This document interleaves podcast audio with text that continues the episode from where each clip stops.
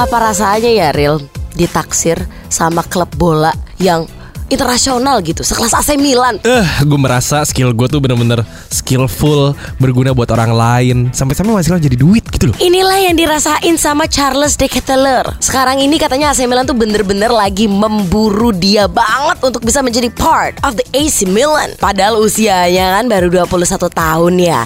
Tapi pengalamannya tuh udah banyak banget Sampai salah satunya tuh berhasil main di Liga Champions. Dia itu udah ada 16 penampilan di Liga Champions.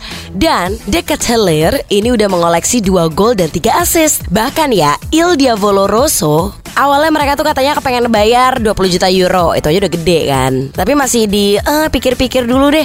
Saking gregetannya Dinaikin 14 juta Jadi 34 juta euro cuy. Wih, sebuah pernegosiasian yang worth it untuk pemain sekelas Liga Champion. Tadi namanya siapa? The Kettelare? Charles de Ketteler Yes, dari namanya aja udah mencerminkan gimana skillfulnya. Pasti mainnya juga ribet tapi masuk gitu ke gawang sendiri. Kok ke gawang sendiri Itu sih yang main bola Masuk ke gawang sendiri Namanya lebih ke Beryl Rasandavi ya iya, pantesan gue jadi cadangan mulu ya. Pantesan ya.